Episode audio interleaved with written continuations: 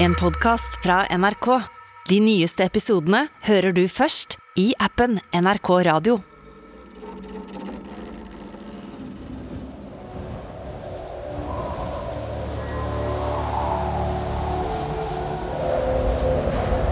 Det er en mørk og stormfull natt.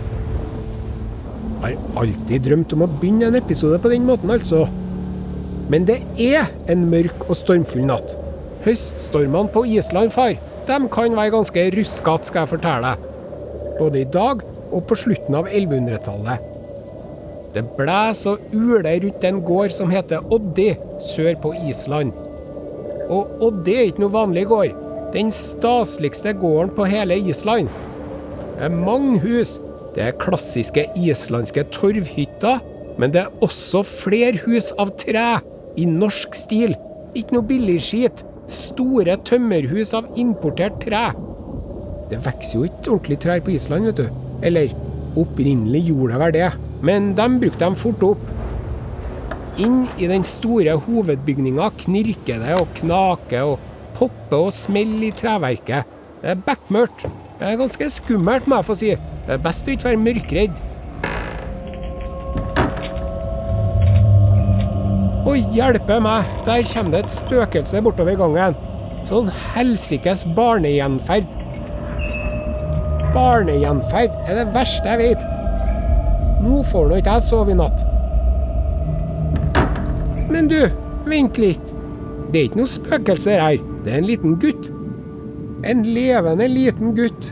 Bleik og barbeint i bare nattserken. Med ei lita oljelampe i neven. Det oser og stinker selfett av olja. Hvilken gutt er dere? Den gutten heter Snorre. Snorre Sturlason. Lille Snorre lister seg bortover gangen. Hva er det ungen driver på med? Hei, Snorre! Skulle ikke vært i seng for lenge siden. Hvor skal han hen? Snorre smyger seg bortover. Forsiktig åpner han ei dør og går inn i et rom. Wow! Det er som en Harry Potter-film, nesten. I det flakkende skinnet fra oljelampa ser han bøker på bord, bøker i hyller, det er stabler med bøker på benker, skinninnbundne bøker, store og små, pergamentruller, bøker overalt. Hundrevis av bøker. Nei, ikke hundrevis av bøker, da. Bøker var jo utrolig dyrt, men det er mange, ja. Kanskje nesten 100 bøker. Bibler og bibeltekster og historiebøker og filosofiske utredninger. Aristoteles og greier. Og ridderromaner og greske tragedier og komedier og helteeposer. Sagn og eventyr og saga og kongehistorier. Gutten setter fra seg oljelampa forsiktig på bordet. Så henter han den boka han holder på med. Den boka er på latin. På latin, ja! Tror du ikke lillgutten kan å lese latin? For en smarting! Det er en fortelling om gamle konger av Norge. Action, ja. Trolldom og menneskeofring og drap og store slag. Snorre sitter og leser i det blafrende lyset helt til oljelampa slukker. Motvillig lukker gutten boka. Sukker litt for seg sjøl. Jæven, tenker han. Det her er spennende saker. Men ganske kjedelig fortalt, egentlig. Herre her, det kunne jeg gjort mye bedre. Jeg kunne fått herre til å virkelig svinge. Og det gjorde han sannelig, han Snorre Sturlason. Og derfor hører du på kongerekka nå.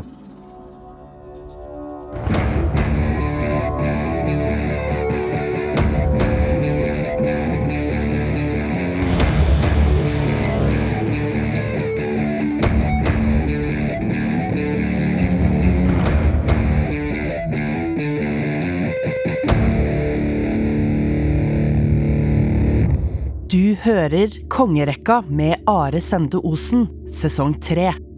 En podkastserie om de norske kongene. Episode fem Snorre Sturlason.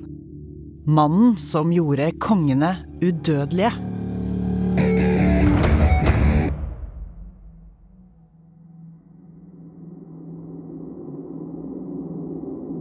Han Snorre Sturlason han var sønn av en av Islands mektigste menn, Sturla. Og han Sturla der, det var litt av en type. Gradbukk og stabukk og litt av en kranglefant og slåsskjempe. Han Sturla han drev og krangla og akkederte og sloss med folk i eininga, og som regel gikk det bra for han Sturla. Men så var det en dag han for til Alltinget. Alltinget på Island var den viktigste samlingsplassen. Der avgjorde de lover og arrangerte ekteskap og handla og deala og bare møttes rett og slett én gang i året. Og på et sånt her allting kom Sturla i konflikt med den aller mektigste mannen på Island.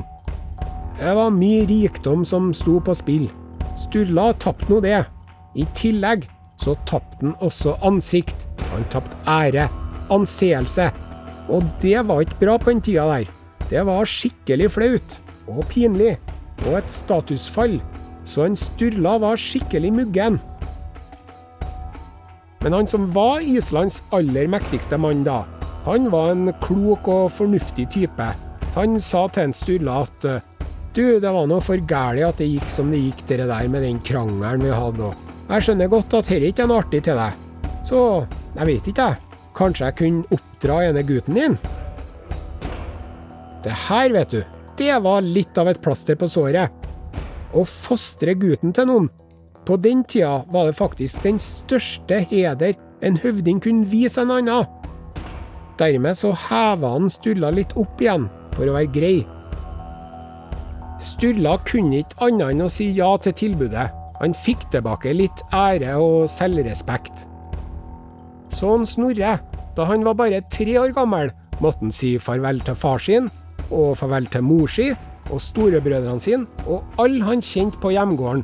Nå skulle han plutselig bo til en mann han aldri hadde sett før. Ja ja, Snorre-gutten. Lykke til. Ha det bra, vennen.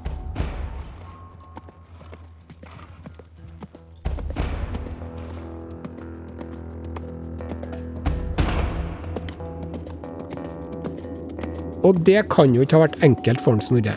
Du kan jo tenke deg sjøl. Var sikkert tussig til han, og uvant. I hvert fall i starten. Men det var litt flaks òg. For faren til Snorre, han var jo ikke helt god, rett og slett. Kranglefant og surpomp og hissigpropp som han var. Og han døde nå ikke så lenge etter uansett. Mens den nye fosterfaren hans, klok og fornuftig, og skikkelig smart, belest, han fosterfaren til en Snorre, han var ikke kongen av Island, for de hadde ikke noe konge, dem. Men om de hadde hatt det, da hadde det vært fosterfaren. Han var supermektig. Men den aller, aller, aller, aller, aller, aller, aller viktigste grunnen til at det var et lykketreff at en Snorre havna der han havna, det var fordi gården fosterfaren bodde på, Oddi, den var litt av et sted. Det var der det skjedde. Der hadde de bibliotek, der hadde de bøker. Alle de mest lærde folkene på Island holdt til der. Folk som hadde studert på universitetet i Paris. Folk som snakka og skrev latin. På Oddi der hadde de sans for dikting og skaldekunst og historieskrivning.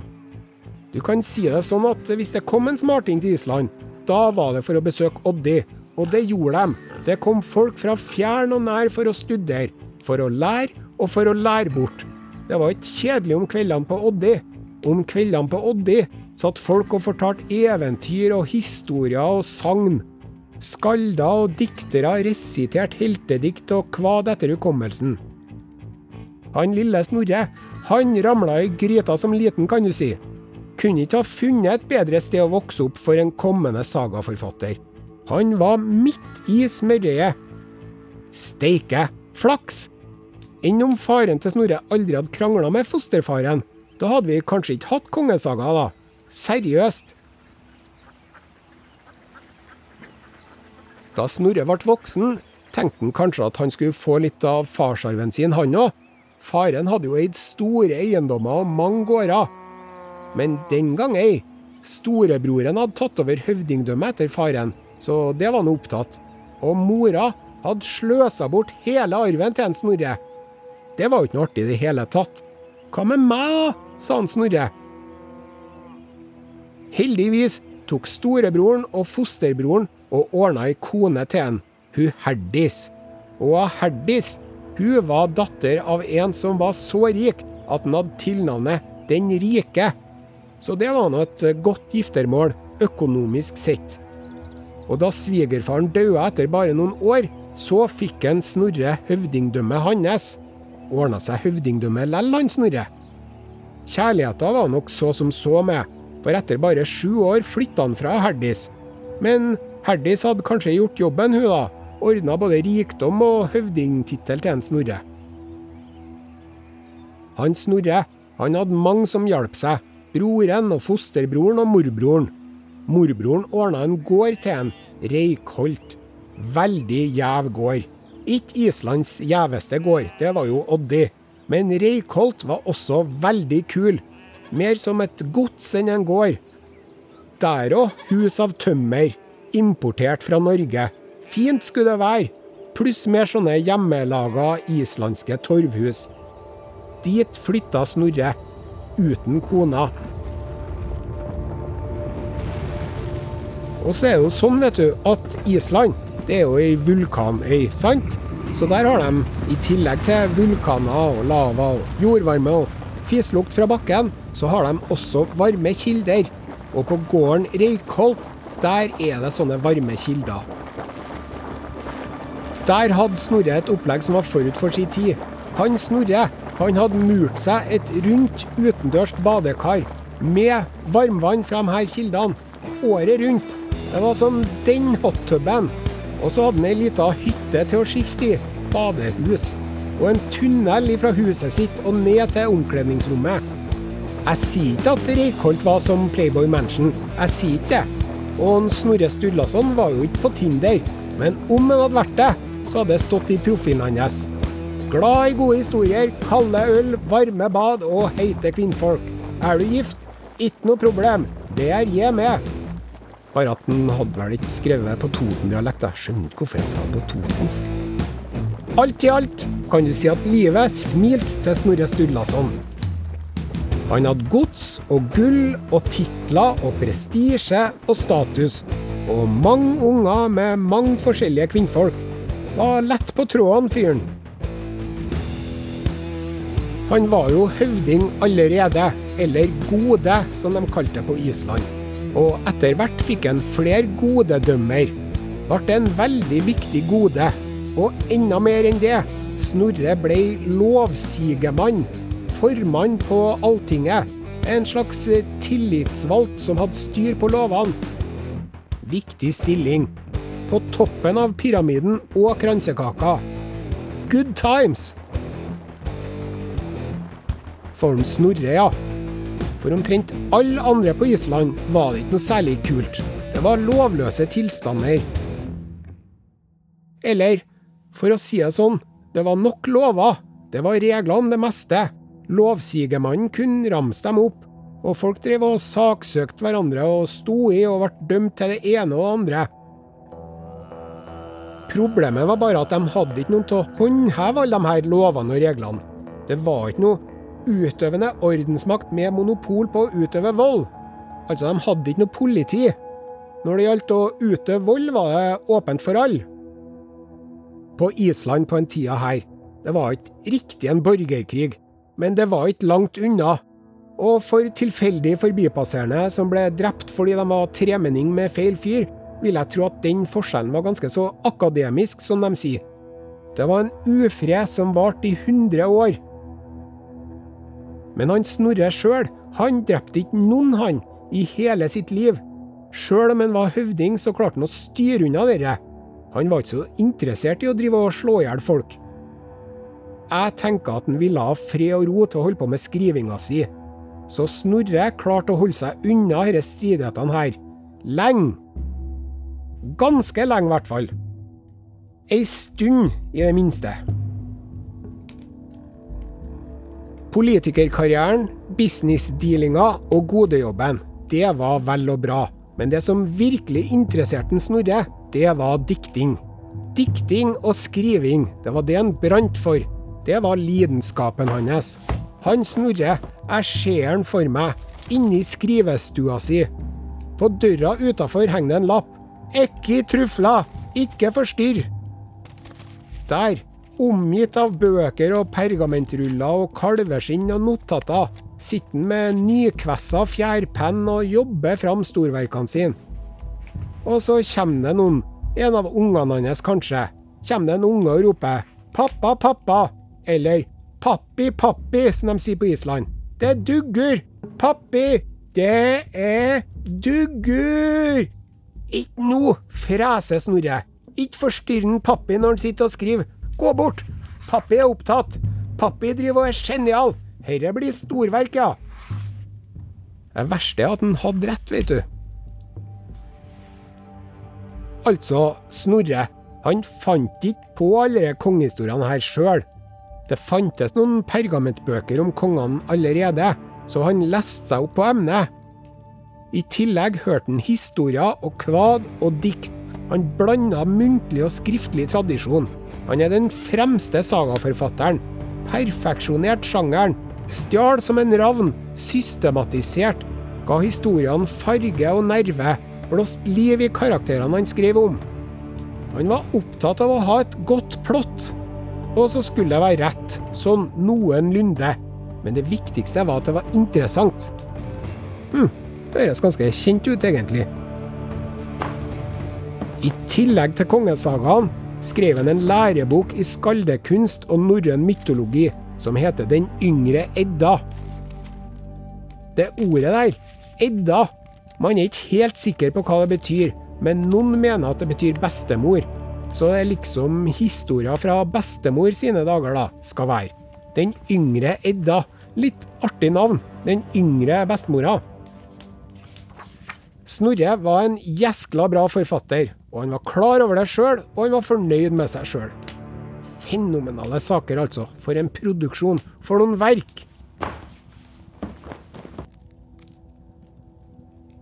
Det var mens han var i 40-årene at Snorre hadde denne geniale skriveraptusen sin. Men før det hadde han vært ute og reist. En sommer sa han til storebroren sin. Jeg har så lyst til å dra til Norge. Kan du passe butikken imens? Kan jeg vel, svarte broren. Og så spurte Snorre mor si. Enn du da, mor? Kanskje du kan passe på gården min imens, du da? Ja visst kan jeg det, Snorregutten, svarte mora. Veldig rart. Det her er jo den samme mora som hadde sølt bort farsarven hans da Snorre var liten. Men han mente vel at da mor fortjente en sjanse til, da. Antageligvis. OK, lykke til og ikke å pantsette boblebadet mitt nå da, mor. Ha-ha, du er artig du, Snorregutt. Så sommeren 1218 seilte Snorre til Norge. Der var han kjendis. Hele Norge visste at Snorre var den gjeveste dikteren, for de hadde hørt de steinbra kvadene hans. Det første en Snorre gjorde da han kom til Norge, det var å Tramp salaten godt og grundig ned i klaveret, gitt. Han bæsja på leggen og i skuffen samtidig. Han la skjegget sitt oppi postkassa, og så tok han tak i lokket og smelte godt igjen. Jæven, hvor han tabba seg ut. Skal fortelle deg, om du kommer til Syden for første gang og drikker deg dritings og får blackout, og våkner neste dag med bare ett nyre og tabbe tatovert over hele panna di, lell så har ikke du tabba deg ut så mye som en Snorre gjorde, Tverten kom til Norge. Ja, huff og lell, det gjorde han altså. Big time.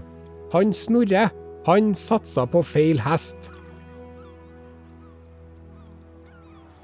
Altså, da han Snorre kom til Norge, da het kongen Håkon Håkonsson, og han var bare 14 år. Nordmennene var kjempesjarmert av kongen sin, men Snorre var ikke noe imponert. Snorre mente at kong Håkon Håkonsson bare var en fjortis, en liten gnom, både bokstavelig og billedlig talt. Men han derre kongegnomen, han hadde en jarl som het Skule jarl, og det var noe annet, tenkte Snorre. Han Skule jarl, han var veltalende og festlig og artig og så ut som en modell og var en skikkelig kul type, og en voksen mann og var ikke noe galt med en Skule. Så han Snorre, han sto og så på de her to mennene, lille, unge, uerfarne gnomkongen og vakre, flotte, kjekke, stilige jarlen. Og så tenkte han Snorre med seg sjøl. Åkken skal han blunke til? Lett! Jeg velger meg, ikke april, men skule jarl, sa han Snorre til seg sjøl. Og det kan man jo godt forstå at han gjorde. Der og da så kunne det jo virke som at en skule jarl var hesten å satse på. Men det valget skulle bli skjebnesvangert. Skule og Snorre de ble bestiser omtrent. Og Snorre drev og laga det ene kvadet etter det andre om hvor fantastisk Skule jarl var. Ja, han dikta noen linjer om en kong Håkon Håkonsson med. Han var jo ikke dum heller, men det var Skule som gjaldt. Snorre var Skule sin mann. Så Snorre laga mange dikt om hvor smashing og modig og lekkeren Skule jarl var, og så skrøt han litt av kong Håkon for syns skyld. Og så var det faktisk ganske mange verselinjer om hvor kul Snorre var sjøl òg. Sjøl om Snorre likte Skule aller best, var han ikke uvenn med kong Håkon. Det var ikke sånn. Enda. Både kong Håkon og Skule jarl syns Snorre var toppen.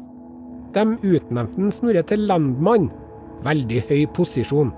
Men for Snorre var dette en slags ærestittel. Det fulgte ikke noe landområder med tittelen, men det var veldig stas lell. Etter et par år for han tilbake til Island, glad og fornøyd, med sin egen båt. En båt han hadde fått av kongen sjøl. Det var ikke så vanlig at islendinger eide sine egne skip lenger, for på Island vokste jo som sagt ikke trær. Eller, det vokser jo trær, da. Bjørk og rogn og vier, men det er jo mer for buskas og regn. Kan ikke bygge vikingskip av det. Faktisk er Snorre den siste islendingen man vet om som hadde sitt eget skip. Snorre, altså. Båteier, høvding og gode og lendmann og nei og nei. Det vil jo ingen ende ta. Hva blir det neste, liksom? Det neste, det var at en Snorre flytta sammen med Islands rikeste kvinne. De gifta seg ikke, nei, men de flytta sammen og inngikk felleseie. Så dermed ble Snorre Islands rikeste mann. Så det var det neste. Nå var Snorre ikke bare mektig, men også den rikeste mannen på hele Island. Og det var sikkert artig, det, men det var mye styr. Og det var mange baller i lufta og tråder som skulle trekkes i samtidig.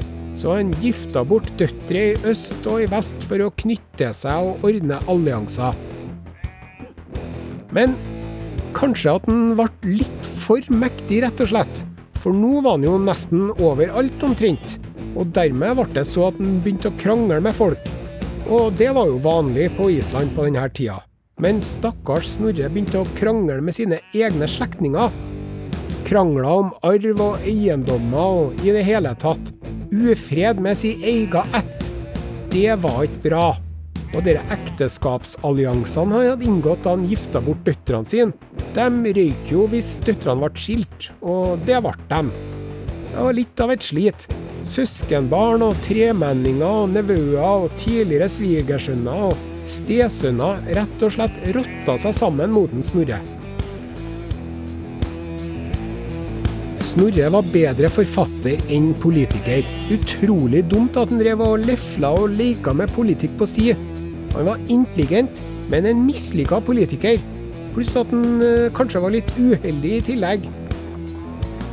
Det ble så galt at ene nevøen tok favorittgården til en Snorre, Reikholt, der han hadde boblebadet sitt. Jaga han vekk.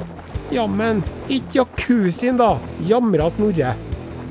Men han skjønte at Island var ikke noe blivende sted, sånn som forholdene var nå. Så han for til Norge igjen, da. Besøkte kompisen sin, Skule Jarl.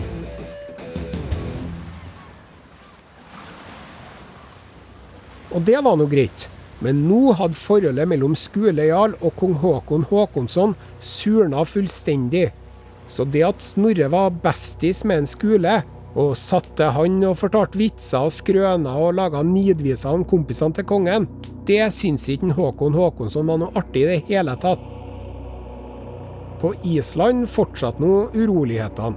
Slektningene til en Snorre drev og tente på gårdene til hverandre og slo i hjel buskapen til hverandre. og drept hverandre og Mulig det ikke er borgerkrig på Island, nei, men det høres noe farlig likt ut, kan jeg få si det? Skulle ikke forundre meg om de drev og sørte ut både øl og smør, dem òg. Etter ei stund fikk en Snorre beskjed om at nevøen som hadde stjålet gården hans og boblebadet hans, var blitt drept. Flott, tenkte Snorre. Da drar jeg hjem. Skal bli godt å få lauga seg ordentlig igjen i deilig varmvann på Reykholt.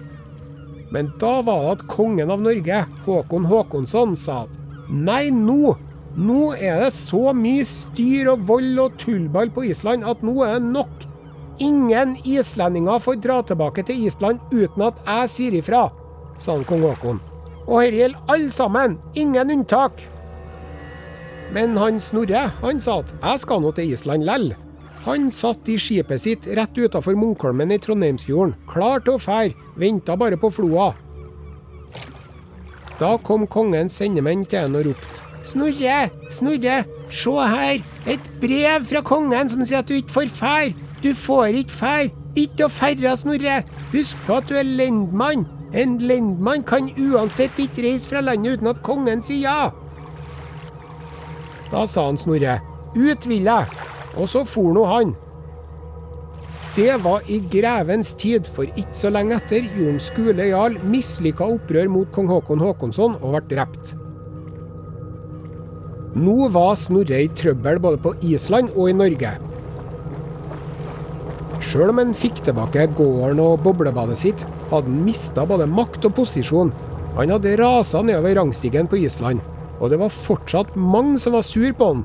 Masse slektninger som gikk rundt og hata han. Og kong Håkon Håkonsson var dritsur på han. Snorre hadde støtta Skule jarl, og folk kalte han landsforræder fordi han hadde reist til Island uten lov. Sikkert ikke noe artig, men jeg ser ikke for meg at en Snorre var så bekymra lell. Jeg liker å tenke at en Snorre sa til seg sjøl at ja ja, det er kanskje like greit. Det var på tide å gi seg med politikken lell. Nå kan jeg endelig konsentrere meg om det jeg kan best. Dikting. Sagaskriving. Der er jeg super blir bra, herre. Å, kong Haakon er sur? Ja vel, men det går sikkert over. Dessuten er han jo et helt hav unna. Kongens arm er lang, men er han så lang? Liker jeg å tenke at Snorre sa til seg sjøl. Du, jeg skal fortelle deg en hemmelighet. Den arma til en kong Haakon, den var lang, den. Kong Håkon Håkonsson sendte et brev til en annen mektig islending en eks-svigersønn til en Snorre, som nå hater han. Og i det brevet fra kong Håkon står det at nå må du fange en Snorre og sende han til Norge, enten han vil eller ikke.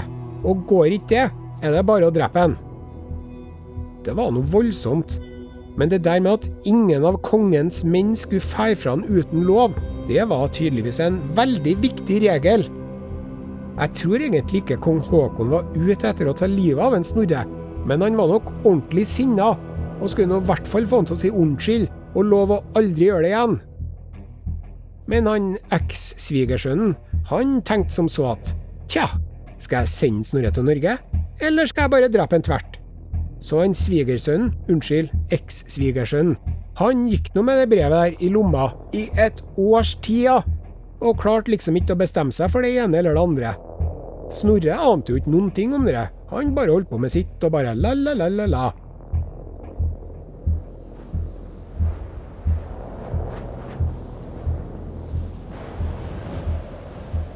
Men natt til mandag 23.9. året 1241 Det er en mørk og stormfull natt. Igjen har jeg fortalt deg om høststormene på Island hvor ruskete de kan være. At det blåser og uler og knaker. Det blåser sånn at det bølger i boblebadet på tunet på Reikholt. Inni ei torvhytte ligger en gammel mann og sover. God og rund og skalla, med stort, hvitt skjegg. Urolig søvn, ja. Mannen vrir og vender på seg. Han har mareritt. Underlige, illevarslende drømmer. Stadig våkner han brått, setter seg opp i senga, lytter. Kommer det noen? Er det fiender på gården? Nei, det er bare innbilning. Mannen blunder igjen.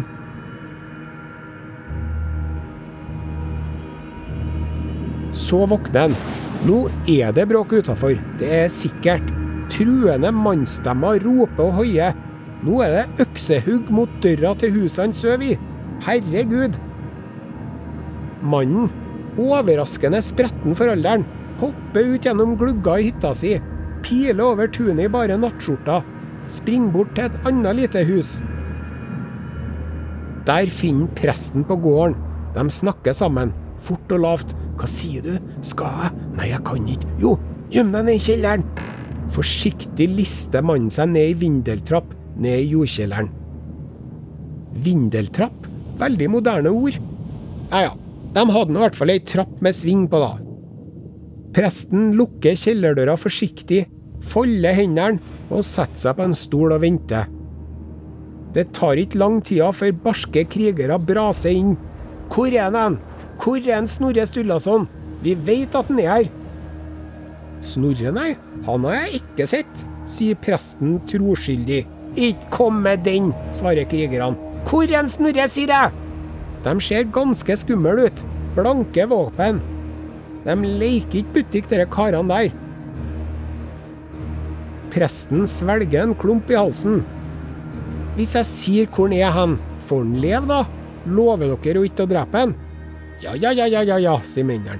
Grid, ja. Visst skal han få gride. Han er nede i kjelleren, sier presten. Fem av karene springer ned i kjelleren. Drapsmenn, hele gjengen. De var det. Alle fem mennene som sprang ned i kjelleren, hadde drept i hvert fall én mann hver. Nede i kjelleren, der finner de den gamle mannen. Snorre har gjemt seg bakom noen melsekker og noen tønner og noe greier. Hoggen, sier den ene drapsmannen. Ikke skal det hogges, sier Snorre. Hoggen, sier jeg, sier han ene krigeren igjen. Ikke skal det hogges, sier Snorre en gang til.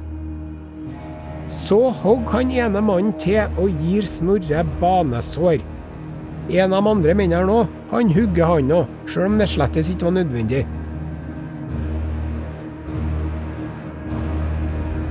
Nå var Snorre død.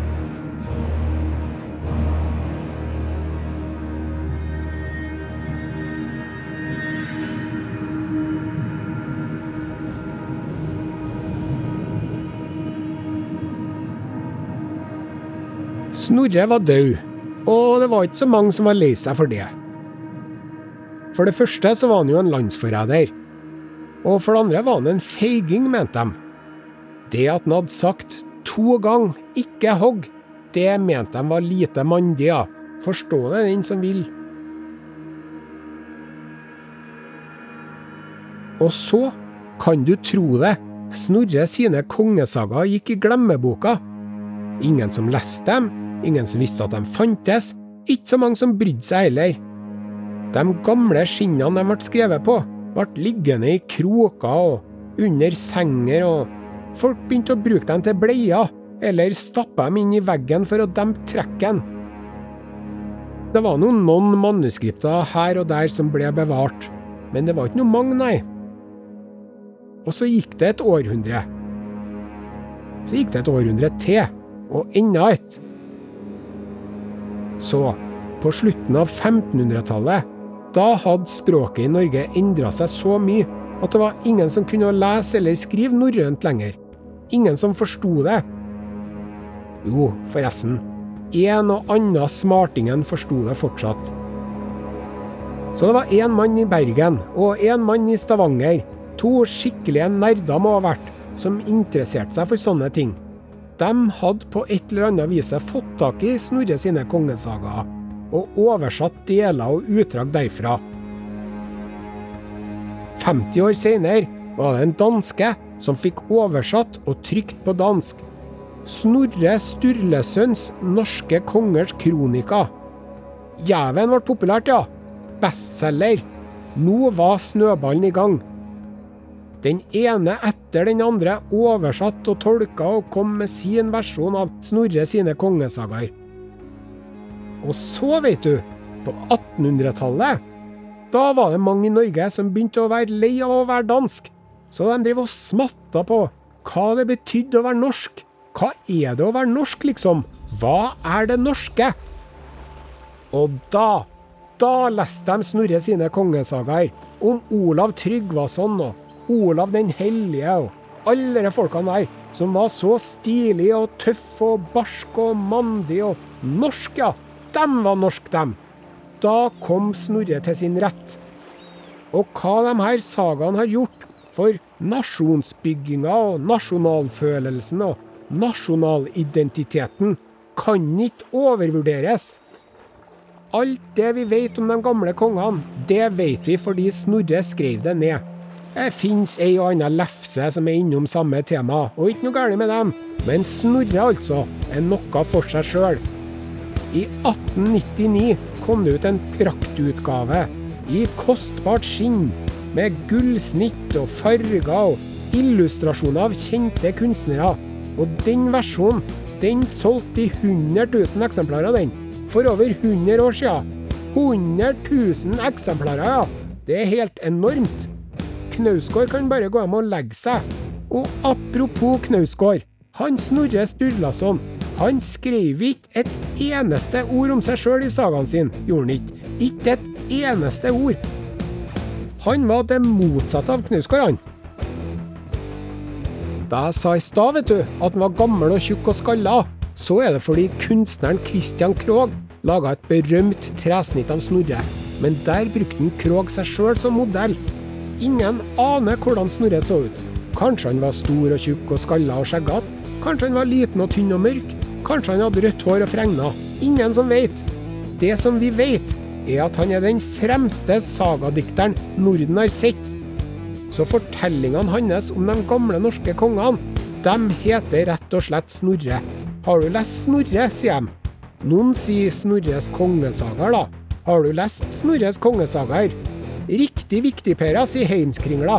Har du lest Heimskringla, sier de, jålebukkene. Alle vi andre, sier Snorre.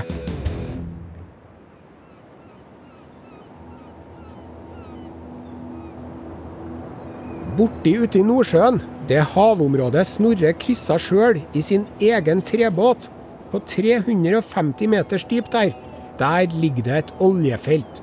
Hva heter det? Snorrefeltet. Mange, mange, mange, mange milliarder kroner har det henta inn. Men det han har gitt oss, er enda mer verdt. Når du har ketsjup på pølsa di, hvorfor står det Idun på flaska da?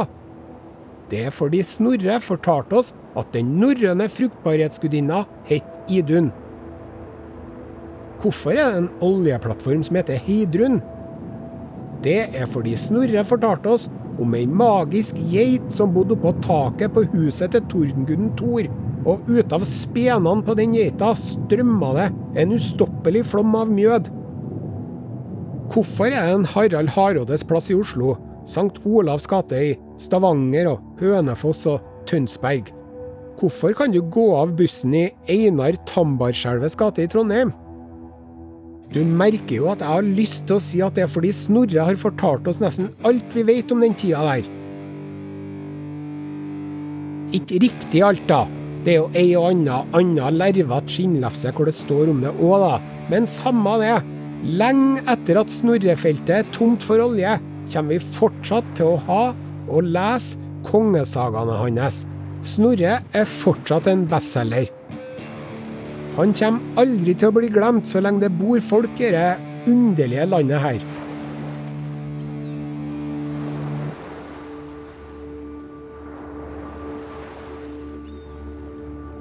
Det var folk som skrev kongesaga etter Snorre òg.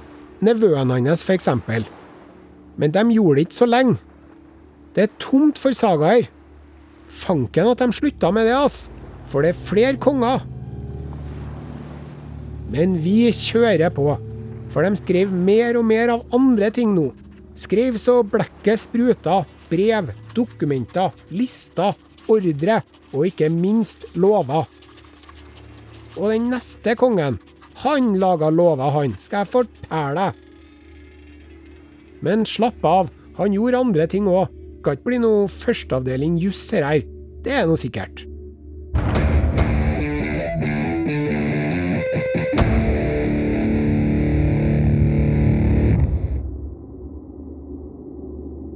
Kongerekka er laga av Are Sende Osen og Ragnhild Sleire Øyen. Historisk konsulent er Randi Bjørsol Verdal, og musikken er av Synkpoint. Redaktør er Line Gevelt Andersen. Neste episode handler om Magnus Lagabøte. Kongen som avskaffa Hunger Games.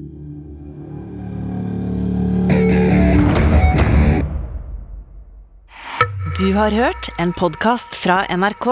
De nyeste episodene hører du først i appen NRK Radio.